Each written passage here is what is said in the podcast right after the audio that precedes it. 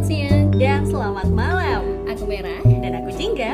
Kembali hadir di Merah Jingga Podcast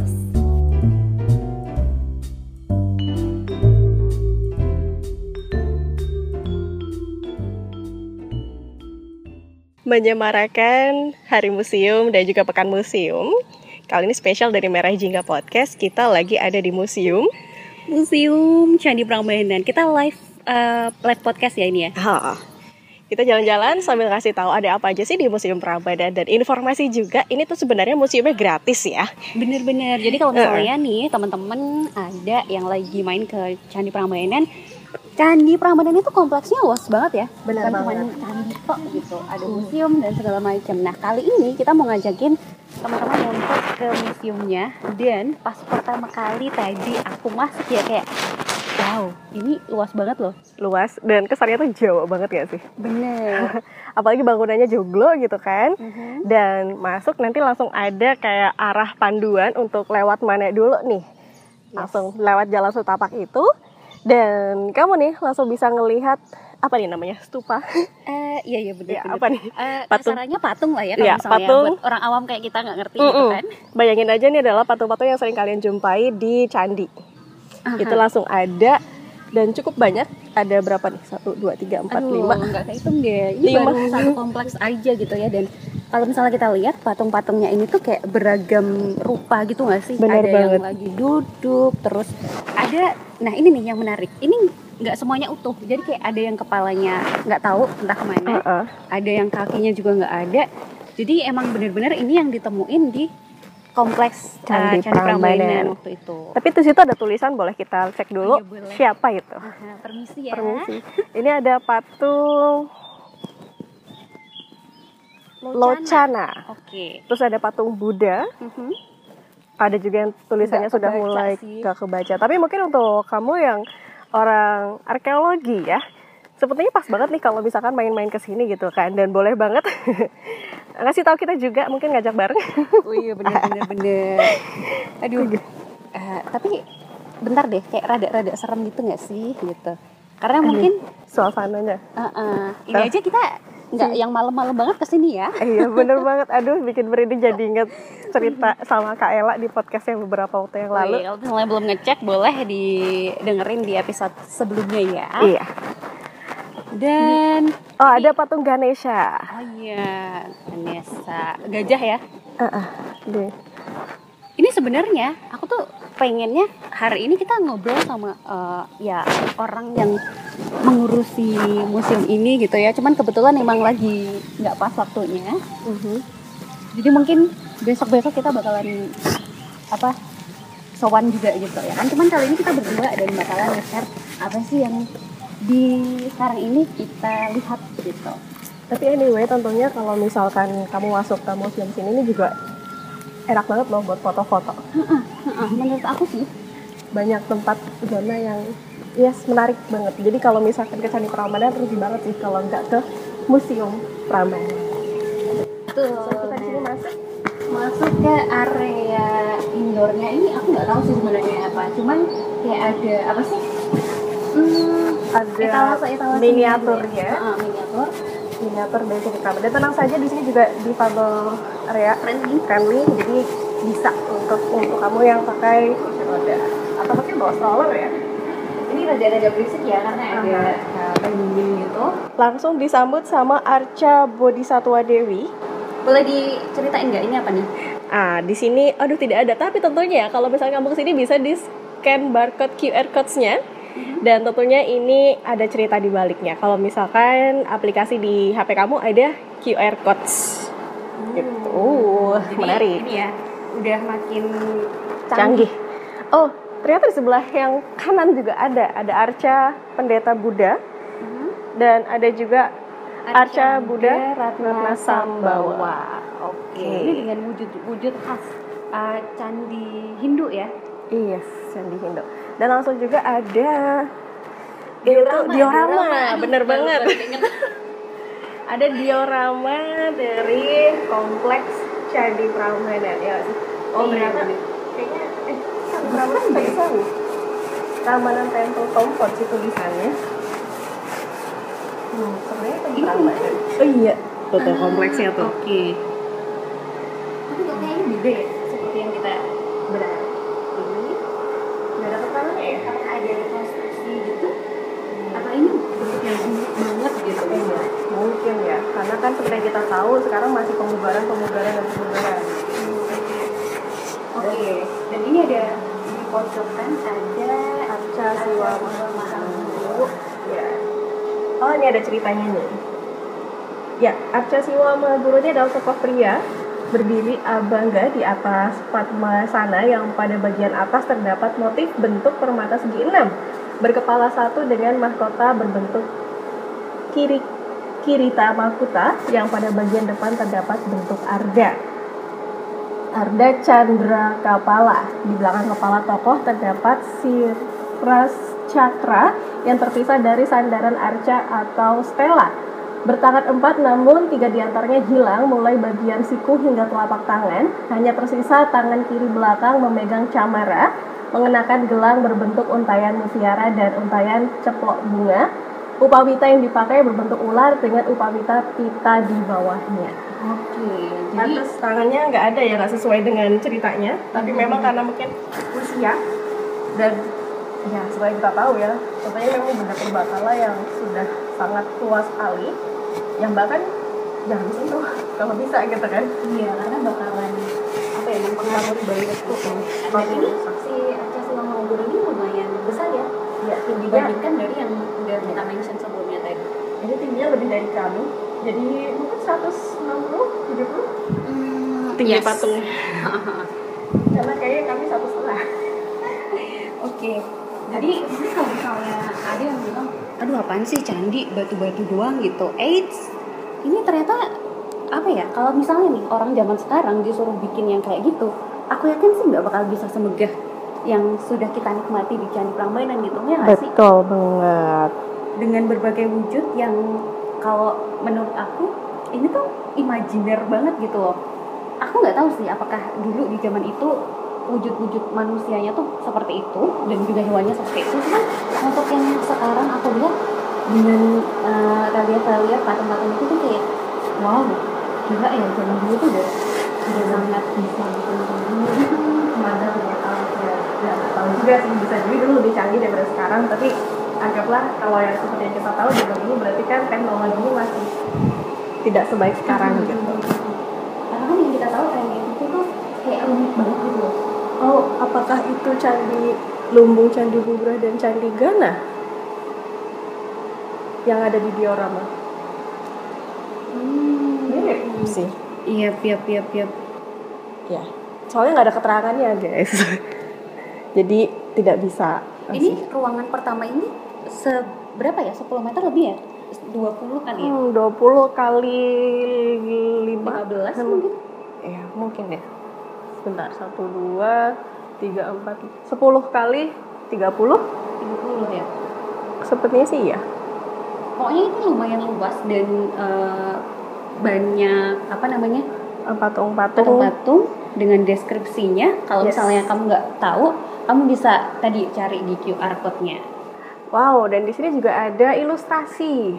Gambar ilustrasi dari penggunaan benda yang ada. Jadi di sini ada kayak semacam Apa nyebutnya teko air itu cawan cawan Iya Oh, nggak sih? jadi kayak dalam pendirian sebuah bangunan suci candi ini melalui rangkaian proses ritual dan penuh perhitungan. Jadi diawali Hmm. dengan pemilihan lahan di titik calon bangunan candi. Lahan yang dipilih ini diuji keresapannya akan air dan bau tanahnya. Kalau airnya dituang ke tanah pakai uh, tek Uh-uh, si apa nih, cawan ini cawan tadi. ini cepat meresap atau enggak? Kalau misalkan iya berarti tanah itu baik. oh wow ternyata sampai sedetail itu loh Hmm, pantesan ya bangunannya masih berdiri sampai sekarang. bener-bener bener nah ini move ke sebelahnya ada tungku kalau biasa kita buat kayak nyate-nyate gitu ya arah gitu arah gitu Mungkin kalau sekarang biasanya untuk kayak tempat semacam pembakaran Oh, aroma aroma terapi juga tuh Oh, ya biasanya tuh. Apa dupa kayak gitu biasanya. Atau enggak bahkan kadang kayak yang dipakai bentuk apa ya untuk mengeluarkan asap gitu loh. Jadi kayak dihitung oh wow keren banget sih. Diuji kesuburan tanah, ditanam benih tanaman, terus ada ritual digelar, kasih titik pendirian. Ini apa ya kalau misalnya nyebutnya kan kayak zaman sekarang ahli geologi, ahli uh, astronomi juga gitu ya Yes. kan. Iya. Ternyata zaman dulu tuh udah ada loh. Bahkan mungkin mereka melihatnya mungkin mereka nggak sekolah kayak apa yang kita alami sekarang. Cuman dulu mereka belajar dari alam ya nggak sih untuk menentukan menentukan hal kayak gitu tuh. Dan itu luar biasa sih kalau menurut aku. Kayak seperti yang pernah kita ngobrol sama Mbak Ella kemarin juga bahwa orang zaman dulu tuh kalau mungkin bisa dibilang lebih maju daripada kita sekarang. Iya nggak sih? Bener, bener, bener. Jadi kayak mungkin zaman sekarang kita ya teknologi udah canggih gitu. Kita pakai gadget yang paling baru. Cuman kita tuh kalau misalnya dibandingin sama orang dulu kayak Jadi lebih manja ya. bener. Wow, luar biasa sih. Ada Jadi semuanya ada. ada tali Tali tambang tali ya. tambang yang tebal banget yang ternyata itu adalah untuk pengukuran tadi. Wah, ada Oke. Pengukuran untuk bangunan candi diambil dari matra tubuh pemimpin alias arsitek. Sedek. Oh, gitu. Cara pengukurannya. Gitu. Lanjut. Oh, ini kayak semacam palu mungkin ya kalau zaman sekarang ya. Ini Oh. bentuknya zaman dulu Oh gini. ini yang untuk mahat-mahat Pemahat. nih. Oh ternyata kayak gini. ya? Oh. Tapi sebenarnya itu nggak tumpul-tumpul banget loh. Kan palu. Oh, oh iya Oke, Yang ininya. ada ininya ya. Ah, Ada kalau pemukulnya. untuk pemukulnya sebenarnya. Wow, luar biasa loh. Bukan kalau Bisa buat kosong, tapi oke. masih ada. Jadi menarik sih. Jadi mungkin kalau misalkan lagi studi tuh ya ini mungkin sekolah-sekolah waktu juga. Mhm. Nah, kalau misalnya di ruang ini kan seperti kamu bilang tadi ada uh, poster Candi Lumbung, Candi Buddha, Candi Brahma atau Candi Sewu gitu ya, dan Candi Sewu gitu. Karena memang di kompleks Candi Prambanan ada candi- candi-candi ini yang mungkin kalau misalnya kita tahu dulu sebelum uh, di sini ya, aku tahunya juga cuma kompleks Prambanan tuh ya udah Candi Prambanan kok gitu. Ternyata saya belakang ada Candi Sewu. Bener. dan itu bisa dinikmati gratis maksudnya tetap nggak ada jadi kayak sekarang berapa sih tiketnya? 50 lima ya? puluh ribu. 50 ribu menurut aku worth it banget sih untuk dapetin 4 sampai 5 candi ini dan juga uh, ada museum segala macamnya gitu Oh, aku tahu. Kayaknya yang di awal tadi itu kompleks yang sebelah eh, selatan itu Candi Prambanan, yang sebelah sini tuh Candi Sewu nggak sih? Terus kompleks Candi Bubrah dan Candi Lumbung. hmm. Ini kita muter-muter ya. yes yes yes Tapi tentunya bikin penasaran juga gitu. Soalnya itu mungkin tulisannya dulu ada. Saya mungkin kecabut atau gimana. Oke kita keluar dari ruangan pertama Yes. ini ada apa nih Lorong. lorong untuk kita semacam kayak mau ke ruangan berikutnya tapi ada ini dulu nih Ada tempat duduk, boleh Ada nyantai dulu. duduk, boleh nyantai terus ada diorama candi prambanannya lagi gitu Yes. kan. Dan ini kayaknya juga bisa untuk tempat foto ya. oh bisa banget Mhm. Kayak semacam apa sih ini yang tempel-tempelan tuh? Puzzle? puzzle ya, puzzle. Yang mana? Oh, ada tulisan-tulisan nama. oh boleh ini bisa dibuka nggak sih Kamu jadi penasaran. Itu kan memang boleh. Hmm, apa mungkin dulu dulu ya, dulu dibuka dan siapa pun yang boleh nulis di sini. tapi ini udah penuh ini udah Udah nggak penuh. lagi deh Iya, satu ini. Wah, ini kayaknya untuk acara UNESCO World Heritage yang mana mungkin uh, setiap pengunjung yang ke sini dikasih satu puzzle untuk tempel di sini nih. hmm iya iya iya iya Soalnya ada namanya tuh satu orang satu puzzle. Kalau bisa dilihat. Nih, ada yang namanya siapa nih? Kita baca-baca satu. banyak banget Gias Akbar. Wah, datang ke sini tanggal 28 April tahunnya nggak kebaca dari Lampung. Apakah kamu juga dengerin? wow Dan kayaknya juga ada yang kayak couple, semoga mereka sudah menikah sekarang ya. Lanjut sampai sekarang untuk yang ini ini bukan ini ya bukan apa kalau coret-coret di tempat umum tuh Oh, ini eh kok jadi lupa sih namanya? apa sih intinya ini nggak nyampah karena emang nyampah. sengaja dibikin kayak gini gitu ya kan dan ini mungkin jadi kenang-kenangan kalau misalnya kemarin kamu sempat nulis di sini dan besok mau ke sini lagi barengan sama keluarga sama anak gitu kan wah ini dulu ayah nulis di sini loh gitu wah itu menarik banget sih Ada yang ulang tahun juga, happy birthday Alfi, 19 tahun, tahun 2016. Berarti sekarang udah berapa? 2016 ditambah 4, 9, udah 23 tahun. wow Nah, semoga panjang umur untuk kamu. ini menarik sih. Ya, kayaknya ini untuk program acara yang World Heritage tahun 2016. Wah kapan Aduh. ya saya bisa menuliskan nama saya di sini gitu Sayang ya kan? banget ya kita di sini setelah itu gitu. bener Jadi nggak tahu kalau ada project ini gitu. Wah. Hmm, oke kita move ke ruangan berikutnya. Nah, Di sini ini ada ruangannya lebih lebih gelap sih daripada yang tadi gitu ya. Dan patung-patungnya juga lebih gedean dikit. Tuh, Anda lihat kan? Wow. Ada yang kelap-kelip gitu. Assalamualaikum. Assalamualaikum. Oke, Nunut. Kita Belajar ya? belajar di sini langsung hampir sama di ruangan yang sebelumnya. Cuman di sini Adem. lebih ya mungkin faktor dari AC-nya. Iya bener. Ada eh, ini arca-arca Dewa yang ditaruh di semacam kayak meja gitu ya. Kalau tadi kan di bawah-bawah tuh. Ah, pasti kayak buffet yang nempel di tembok Iya di sebenarnya. atas. Nah, jadi mungkin patungnya sekitar 50 cm ya tingginya. Ada yang lebih sih. Ada yang lebih sih. Ini ada kayak arca Dewa Siwa, terus juga ada arca Ganesha yang sebenarnya tadi mungkin di depan udah kita temuin juga gitu Hmm. ya. Jadi memang ternyata ini arca-arca ini jumlahnya banyak ya. Hmm, banyak. Ada QR code-nya. Bener. dan ya di sini ada menyatakan juga tentang relief motif rambannya Tapi ya semakin kita melihat secara dekat, aku jadi rasa kayak oke ternyata memang ada cerita di baliknya gitu, bukan sekedar relief, bukan sekedar arca gitu ya kan. Dengan posisi yang misalnya duduk terus coba lihat deh, ini kan tangannya kayak apa ya? ada gerakan tersendiri Ah, ya gitu. mungkin ya, ada simbol tersendiri juga sih untuk kenapa tangannya seperti itu and anyway tentunya untuk kamu yang penasaran banget kayak gimana sih pemugaran candi awalnya Nah, di bangunan yang sekarang Merah dan juga datengin ini ada dokumentasi penemuan dan pemugaran Candi Siwa Prambanan dari masa ke masa. Mulai dari foto yang tumpukan apa Itu nih? itu tumpukan candi-candi runtuh ya? Yes, Atau bener banget. tanaman? Itu kecampur.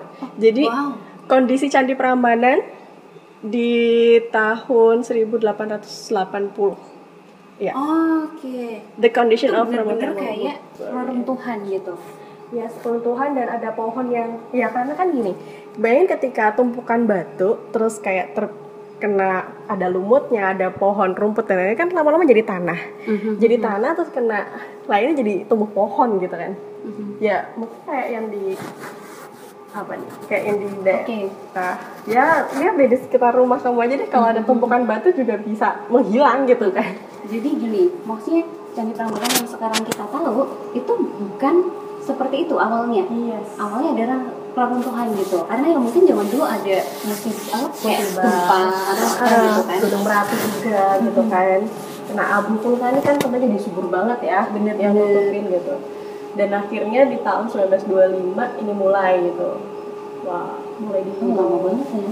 dari tahun 1880 padahal terus di tahun 40-an juga masih, Masih Wah, berarti 15 Wah. tahun lebih terus sampai kita pernah kumpul Candi Siwa ya udah rada bagus ya ibaratnya udah hampir mirip dengan yang sekarang gitu. Di tahun 1953 dan peresmian Candi Siwa itu ada di 20 Desember tahun 1953 oleh eh, Bung Karno ya. iya peresmian langsung Wah, ini mungkin presiden. aku mau baca deh. Ini Oke. masih masih apa? Ejaan lama ya. coba ya coba Jikalau bangsa kita dapat mewarisi api yang gemilang itu akan dapat kita menjadi bangsa yang besar kembali. Ini adalah satu monumen nasional tinggalan dari leluhur kita yang berisikan kemegahan dari zaman yang lampau. Aku jadi gandrung-gandrung kepada zaman gemilang yang telah lampau. Bagiku, itu merupakan sumber nasionalisme yang berkobar-kobar di dalam dadaku untuk berjuang mati-matian.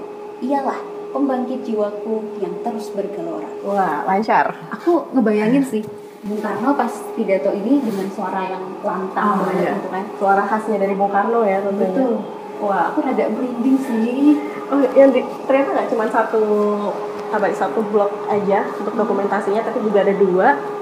Yang di sini lebih hmm, lebih detail lagi sih. Ahahaha. Kayak kalau tadi kan kayak dari jarak jauh ya. ini candi sewu ya Oh, oh iya ini candi sewu ternyata. Kalau yang sebelah tadi candi sama ya? Prambanan. Eh, enggak kondisi sama. gitu.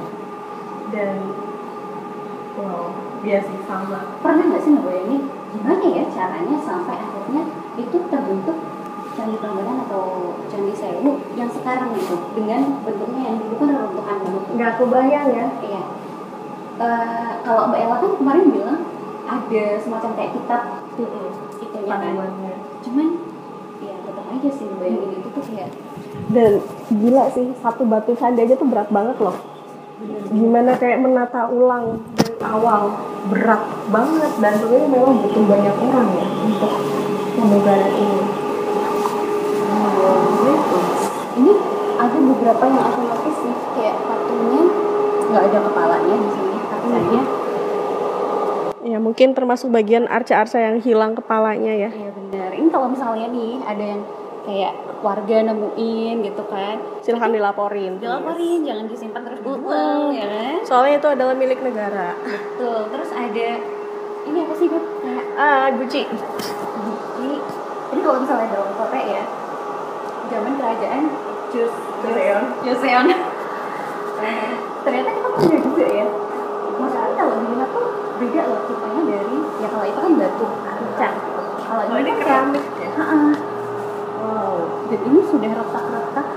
Mungkin sebenarnya udah pecah juga cuman di angin gitu ya. Untuk menunjukkan ke kamu kayak gimana gitu. Aha. Ini bisa buat I apa ya don't know. kira-kira ya? Di sini ada tulisan 1585. Apakah ini dari tahun 1585? Hmm. Ada angkanya atau ini nomor benda nomor deh. 1585 gitu. Oh, di sebelah sana juga. gitu. Wah, ini apakah harusnya TV-nya nyala? Untuk menunjukkan pemugaran. Wow, kalau ini lebih kayak ke logam atau apa ya? Sama ini dari tanah liat juga yang Oh, dibawakan. oke. Gucci Tapi juga kesannya tuh kayak, kayak beda ya. Heeh. Kayak Dan ada ini ada re- bukan relief ya, pahatan-pahatan gitu. kayak naga. Apakah ini iya. dari negeri timur? Hmm, nggak ada Candi keterangannya. Prambanan Pernah ada mitos-mitos yang ada naganya Naga. itu. Nah, ya itu kita nggak tahu, sih. Soalnya ini Nggak tahu. ada tulisannya, jadi nggak bisa ngasih tahu ke teman-teman ini tuh dari mana dan bentuknya sebenarnya apa. Mhm, Jadi ruangan kita masih ada di ruangan kedua, cuman kayak ada statnya gitu kan. Jadi di sini lebih apa ya? Lebih ke alat-alat peralatan gitu. Kalau tadi patung arca ini itu kayak hmm, Benda-benda. biasa digunakan Sehari-hari dan- pada masa itu. Ada prasasti juga untuk di sini. Wah, ada silika gelnya untuk pengawetan. Ini apa aja nih? Ah, Oh ada. Jadi kalau di sini ada kayak semacam box kaca kayak kalau misalkan bisa dibayangin ya bayangin akuarium gitu ya teman-teman isinya ini ada dua tingkat tingkat yang bagian atas ini ada arca Ganesha perunggu dari perunggu loh ya benar-benar waduh mahal banget ini.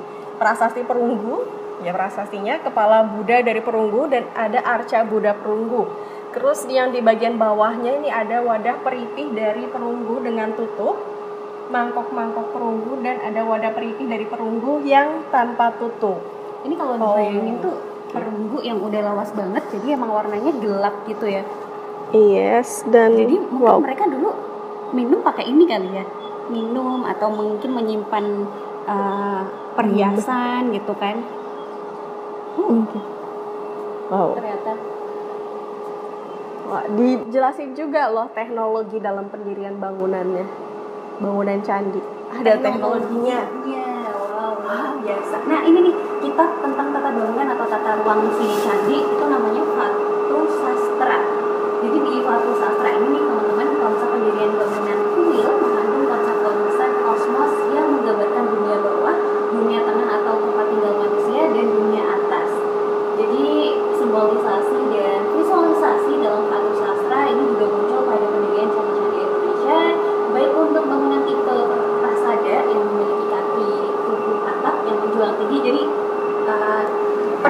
gitu ya maupun tipe bangunan berundak teras atau gaya Majapahit gitu wow Meskipun banyak mirip ya dengan India, namun ternyata nih nggak ada satu candi pun yang sama dengan kuil di India.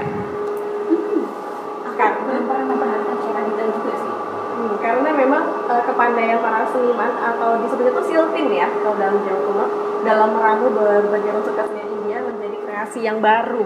Jadi kayak eh, dulu ke India terus akhirnya atau enggak ada guru-guru yang seperti yang Mbak Ella sampaikan kan kayak guru-guru dari India terus datang ke sini untuk menceritakan di sana kayak gimana sih. Kayak inget nggak yang Kak Ella tuh ngomong tentang eh, patung singa? Yang mana di Indonesia nggak ada singa. Jadi penggambarannya kayak gimana sih? Oh singa tuh yang seperti ini bentuknya Oke. berkaki empat ya gitu. Nah maka dari itu berbeda. Halnya eh, bangunan yang ada di India dengan yang ada di Jawa tetap ada khasnya masing-masing. Iya. Hmm, ini lebih ke prasasti. Ada namanya prasasti Dragu Panggung ya? Panggung nggak?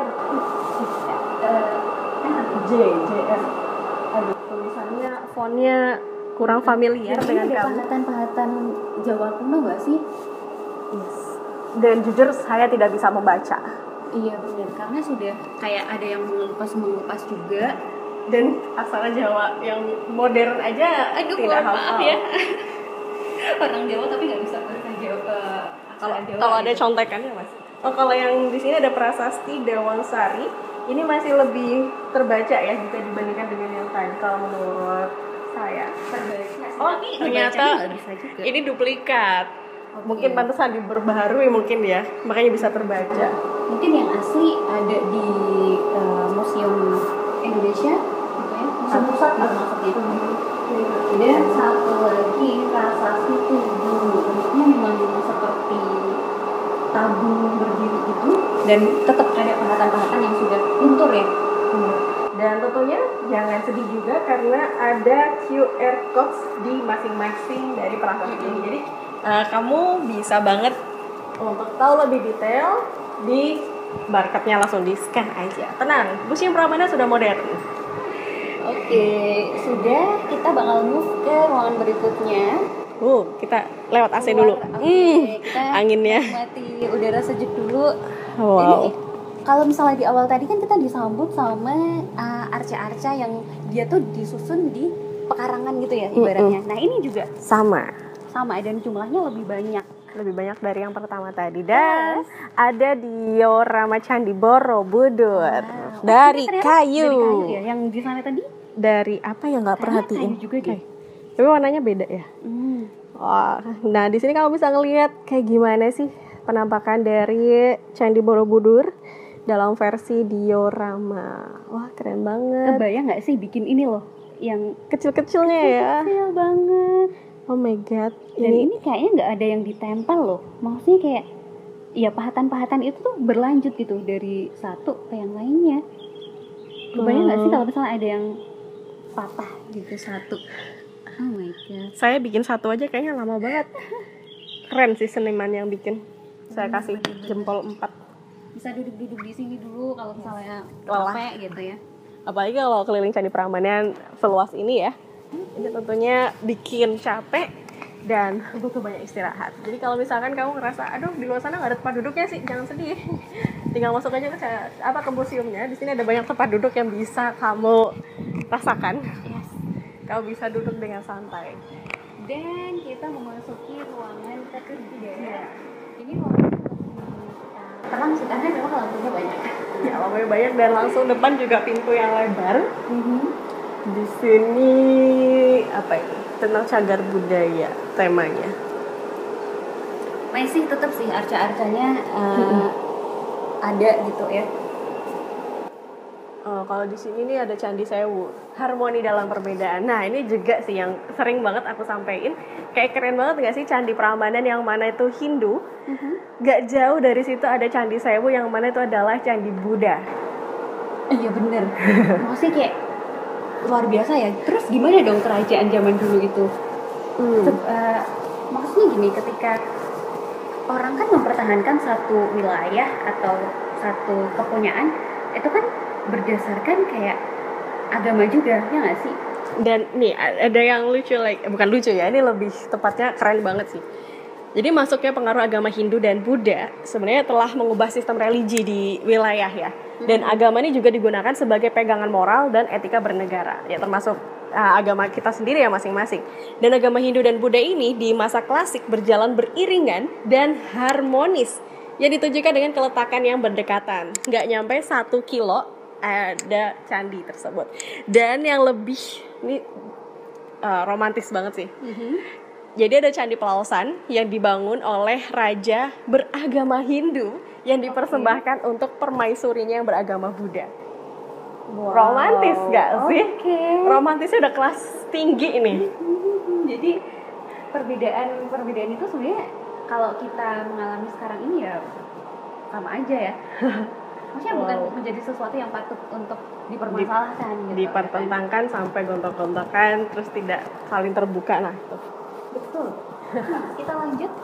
lanjut ah, ini nih aku suka nih sama benda-benda ini keramik piring mangkok wow keren Ini banget mungkin dicari banget sih untuk zaman sekarang ya.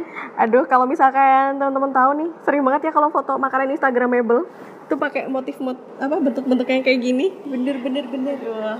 Wow. keren. Ini Suka ada banget. yang keramik, ada yang eh, apa sih itu paling tengah tuh? Itu udah Tanah liat ya. tanah liat yang nggak dikeramikin apa sih kadang tuh kalau dibakar doang kita jadinya kayak gitu yang di tengah itu jadi kayak tanah gitu tapi kalau misalkan di apa sih di dilakuin satu step lagi jadi yang kayak si keramiknya ini. Hmm, oke. Wow. Jadi ini ada Relief Candi Borobudur. Nah ini sama seperti yang tadi ada Gucci. Yang sudah aku takut deh ya ampun ini jangan sampai Jatuh. gitu ya kan? jangan sampai jatuh Bener. aduh soalnya kalau jatuh langsung hancur itu ada bener-bener harus hati-hati Tapi ya dikasih kaca ya? Atau memang sengaja di kayak gini? atau mungkin belum karena sepertinya ini lokasinya hampir sama seperti yang yang lainnya yang dikasih kaca mungkin yang sini atau kacanya sedang diperbaikin juga bisa jadi sih Oke. Nah ini di tengah-tengah tadi ada eh, apa ya diorama Diorama. kawasan Candi Prambanan dari atas. wow ini lebih luas lagi nih Lebih luas, banyak pohon-pohonnya. Hmm, Iya ya.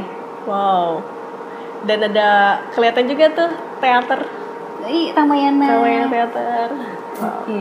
oh ini tanah Awas, Bu. oh iya hati-hati bahaya keren banget Ada penjelasannya juga di sana. eh tempat kantor kita di mana sih Eh, belum ada kebetulan ya. kebetulan belum tadi saya bentar di mana sih harusnya ya? di sini di sekitar 14 nomor ya? 14 Oh, oh iya bener. Situ informasi. Eh, ini apa ini? Toilet ya? yang, mana kecil ini baratnya 14 nih. hmm, Tanamnya 14. mungkin tahu tapi ini wow luas banget ya wah harusnya kayak kalau misalkan lagi di Candi Prambanan tuh sekalian olahraga ya jalan kaki keliling gitu dari dari pintu masuk terus ke Candi Sewunya muter Iya, Wah. pagi-pagi atau sore-sore gitu ya kan. Enak banget dan itu yang me- ini perhatian mataku adalah itu tuh yang di sana tuh, Bu. Emas-emas gitu kan warnanya. coba Ini kita baca kayaknya untuk apa sih? Ini loh buat tubuh itu loh. oh perhiasan Eh, ini ada penjelasannya. oh ada penjelasannya cek kita bacakan ini Oke. adalah uh, koleksinya oh replika Mhm. berarti bukan yang asli ya ini replika temuan emas Wonoboyo ini kayak yang di Feature ya. feature dari area kompleks radio kompleks ya. Jadi temuan emas ini ditemukan secara nggak sengaja di tanggal 17 Oktober tahun 90 Mhm. bulan ini Oktober Oh iya. Nah, 30 tahun yang lalu oleh penggali pasir di sawah milik Ibu Cipto Suwarno yang berlokasi di Desa Wonoboyo, Kecamatan Jogonalan, Kabupaten Klaten, Provinsi Jawa Tengah. Jadi ketika ditemukan, temuan-temuan ini tersimpan di dalam guci keramik asal Cina yang berasal dari dinasti Tang di abad 9. Selain bokor emas ditemukan juga eh, benda lainnya, yaitu ada tutup wadah emas, gayung emas, nampan emas, gelang emas dan lainnya dengan total jumlah emasnya tuh ada berapa coba? 16 kilogram. Wow. Wow. Dan di tanggal 30 April tahun 1991, Seluruh temuan asal situs Monoboyo termasuk bokor emas berelief Ramayana diserahkan oleh Direktorat Jenderal Kebudayaan kemudian disimpan di Museum Nasional Jakarta.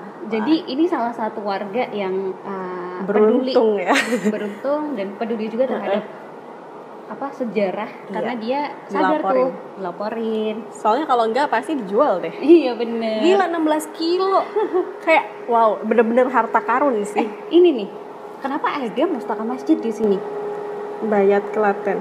Hmm, nggak ada keterangannya juga, tapi bikin aku penasaran. Ya kan? Gerabah. Ini apa ya nyamuk ya? Bukan. Serangga. Rangga kenapa ada di dalam sini?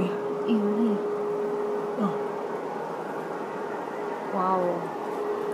Jadi tuh tadi di sini banyak gitu, banyak bercerita terkait dengan ada candi Borobudur juga, lebih ke candi Sewu sih sebenarnya ya. Hmm. Kalau untuk area ketiga kita Ya, keluar keluar. menikmati Oh. udara sejuk lagi gitu ya. Di sebelah kiri ada kantornya kali ya, Itu sepertinya kantor yang jaga. Kantor. Ya. Candi. toilet atau museum? apa pun itu. Kemudian di paling ujung itu ada yang namanya apa? Apa? Ruang audio ya? audio visual atau mungkin bioskop kali ya bioskopnya Oh iya, museum gitu. inget. Aku lupa, tapi seingat saya 8 tahun yang lalu tuh saya ke sini dan bisa nonton ini kayak film Mhm. pemugaran kalau nggak salah atau apa aku sedikit lupa pokoknya film di museum mungkin Oke. sekarang sedang tidak ya karena lagi covid juga Iya. Ini ada tulisannya The Philosophy of the Prambanan Temple. Jadi Yes. mungkin itu tadi salah satunya ada pemugaran-pemugaran ya. Aduh sayang banget, pengen banget sih sebenarnya. Yes. Dan dulu tuh aku ingat banget rame. Ya karena mungkin lagi covid juga ya jadi suasananya sedikit tidak seramai biasanya. Aduh, kebayang nggak sih? Tadi di dalam itu seger AC, terus di sini kayak seger dari- udara langsung. Iya, karena pohonnya banyak banget dan sejuk banget gitu. mungkin kalau misalkan biasa dengan kepenatan dengan yang penuh gitu ya. Bangunan kanan kiri ini kayaknya pas banget memang Yes. uh, Candi Prambanan kompleks Candi Prambanan ini sebagai tujuan untuk wisata karena selain dapat ilmu dapat udara yang seger juga nggak sih Bener-bener dan uh, tadi kan kita langsung masuk itu ngomongin soal ada arca-arca di sebelah kiri. Tadi kita disambut sama joglo ya. Joglo itu sebenarnya ada dua.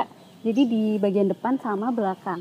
Di bagian depan ini tuh dia ada panggungnya lagi gitu, tapi nggak terlalu tinggi dan ada gamelan gitu. Ini biasanya kalau menyambut wisatawan gitu ya atau tamu Atau atau, tamu. acara apa gitu kan. Dan Iya. untuk sebelah belakangnya itu mungkin lebih ke acara-acara kalau yang banyak- pertemuan ya. Oh, pertemuan atau banyak orang gitu. yang jelas gamelannya jangan dimainin ya Eh, kalau lihat jangan nggak boleh Atau mungkin kalau misalnya izin boleh kali ya. ya itu harus ada izin tertulis dan ya intinya jangan kamu pukul-pukul sendiri Bener, apalagi ngebawa pulang benda-benda yang Ah. seharusnya nggak kamu bawa pulang gitu. jangan sampai dan juga jangan merusak karena sebenarnya kita tahu itu dari lama banget ya Oke. benda yang lama yang tentunya disentuh pun nggak boleh apalagi dipukul Pindahkan. dipindah diangkat dicoret nah vandalisme Iya bener. Kamu tahu nggak cerita yang dulu ada wisatawan yang datang ke sini anak-anak sekolah gitu, Mhm. terus ah, oh yang kesurupan itu iya kesurupan gitu. In- Ya ini kita out of ah, apa gitu ya. Tapi katanya sih dulu kan isunya dia ngebawa pulang. Benda-benda di sini selendang gitu. Tapi ternyata dia itu berisik di dalam situ, jadi yang nungguin di situ tuh kayak terganggu. Hmm. makanya dia ngikut lah gitu. Nah ini salah satu juga mungkin tata krama ya? Unggah-ungguh Ah, tata krama ketika kita ya tau lah namanya museum tuh pasti ada. Ya kayak kita ke rumah orang aja gitu kan. Iya.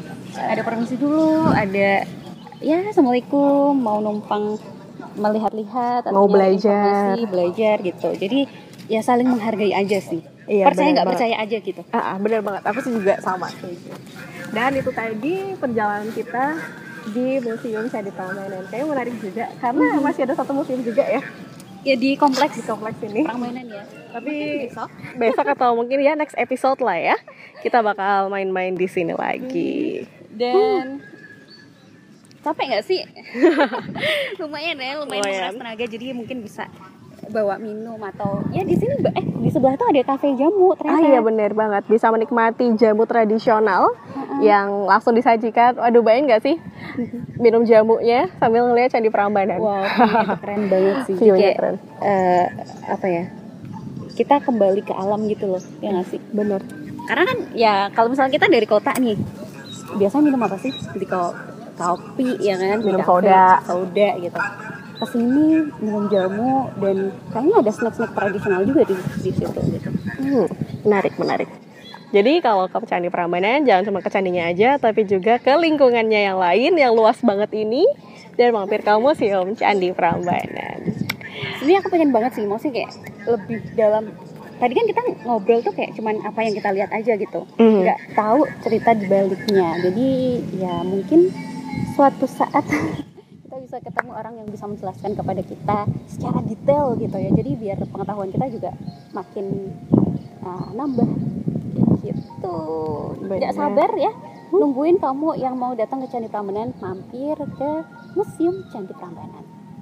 Selamat Hari Museum. Oh iya lupa. Udah? Dah, 40 menit.